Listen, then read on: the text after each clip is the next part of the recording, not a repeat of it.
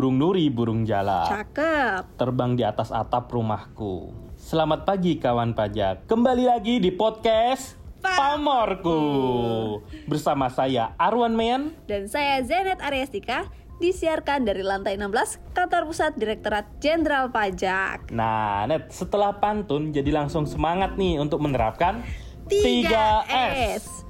Pertama senyum, Kedua sehat dan yang ketiga semangat.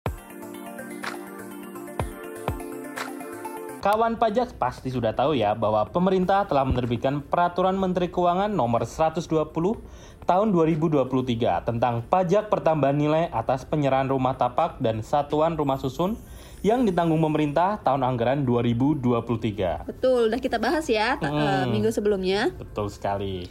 Untuk implementasi insentif ini, Menteri Keuangan menyampaikan pihaknya telah menyiapkan anggaran yang diperlukan untuk program PPN DTP ini senilai 3,38 triliun rupiah. Dengan perincian nih 420 miliar rupiah untuk sisa tahun 2023 dan 2,96 triliun rupiah untuk tahun 2024. Nah, bagi kawan pajak yang mau memanfaatkan insentif ini, Direktur Penyuluhan Pelayanan dan Hubungan Masyarakat Direktorat Jenderal Pajak berpesan nih agar masyarakat mencermati syarat untuk mendapatkan insentif PPN ini. Betul sekali, Net. Beliau menekankan bahwa salah satu syarat yaitu rumah tidak boleh berpindah tangan dalam jangka waktu satu tahun sejak penyerahan. Menurutnya, ketentuan tersebut ada karena diskon pembelian rumah dibuat pemerintah untuk membantu masyarakat memiliki hunian. Selain itu, untuk mendorong pertumbuhan ekonomi.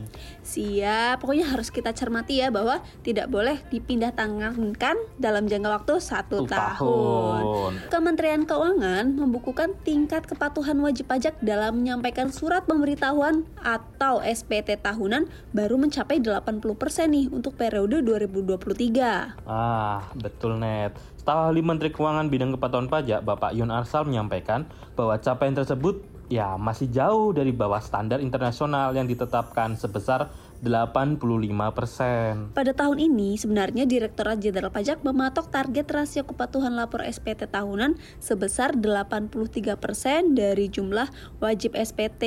Nah, totalnya sebenarnya 19,44 juta WP. Jadi, eh, yang ditargetkan sebenarnya sekitar 16,1 juta, Mas. Oh, ya kita berharap semoga tahun-tahun berikutnya dengan adanya sistem canggih dari DJP, pengisian SPT otomatis dapat meningkatkan kepatuhan pajak ya, Net. Harus dong. Pokoknya kita doakan semoga sistem ini segera berjalan agar pajak kuat.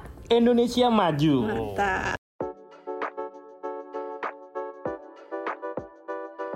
Menteri Energi dan Sumber Daya Mineral atau ESDM, Arifin Tasrif mengatakan, mekanisme pajak karbon antar negara atau cross border akan efektif dilaksanakan pada tahun 2026. Ia mengungkapkan melalui mekanisme ini, produk-produk dari dalam negeri bisa dikenakan pajak karbon juga ke negara lain. Wah, berarti akan berpengaruh dong nih ke daya saing produk dalam negeri jika industri terbebani pajak karbon yang tinggi, ya nggak mas? Betul, jadi menurut Menteri ESDM nih, Indonesia harus mengurangi emisi karbon sebanyak-banyaknya agar industri segera mengantisipasi pajak karbon lintas negara ini. Hmm, kalau begitu kita nantikan dulu ya kebijakan selanjutnya dari pemerintah terkait ini. Yap, hmm, betul sekali. Nantikan berita selanjutnya dengan terus update berita melalui Pamorku, podcast berita kesayangan kita semua. Sampai jumpa.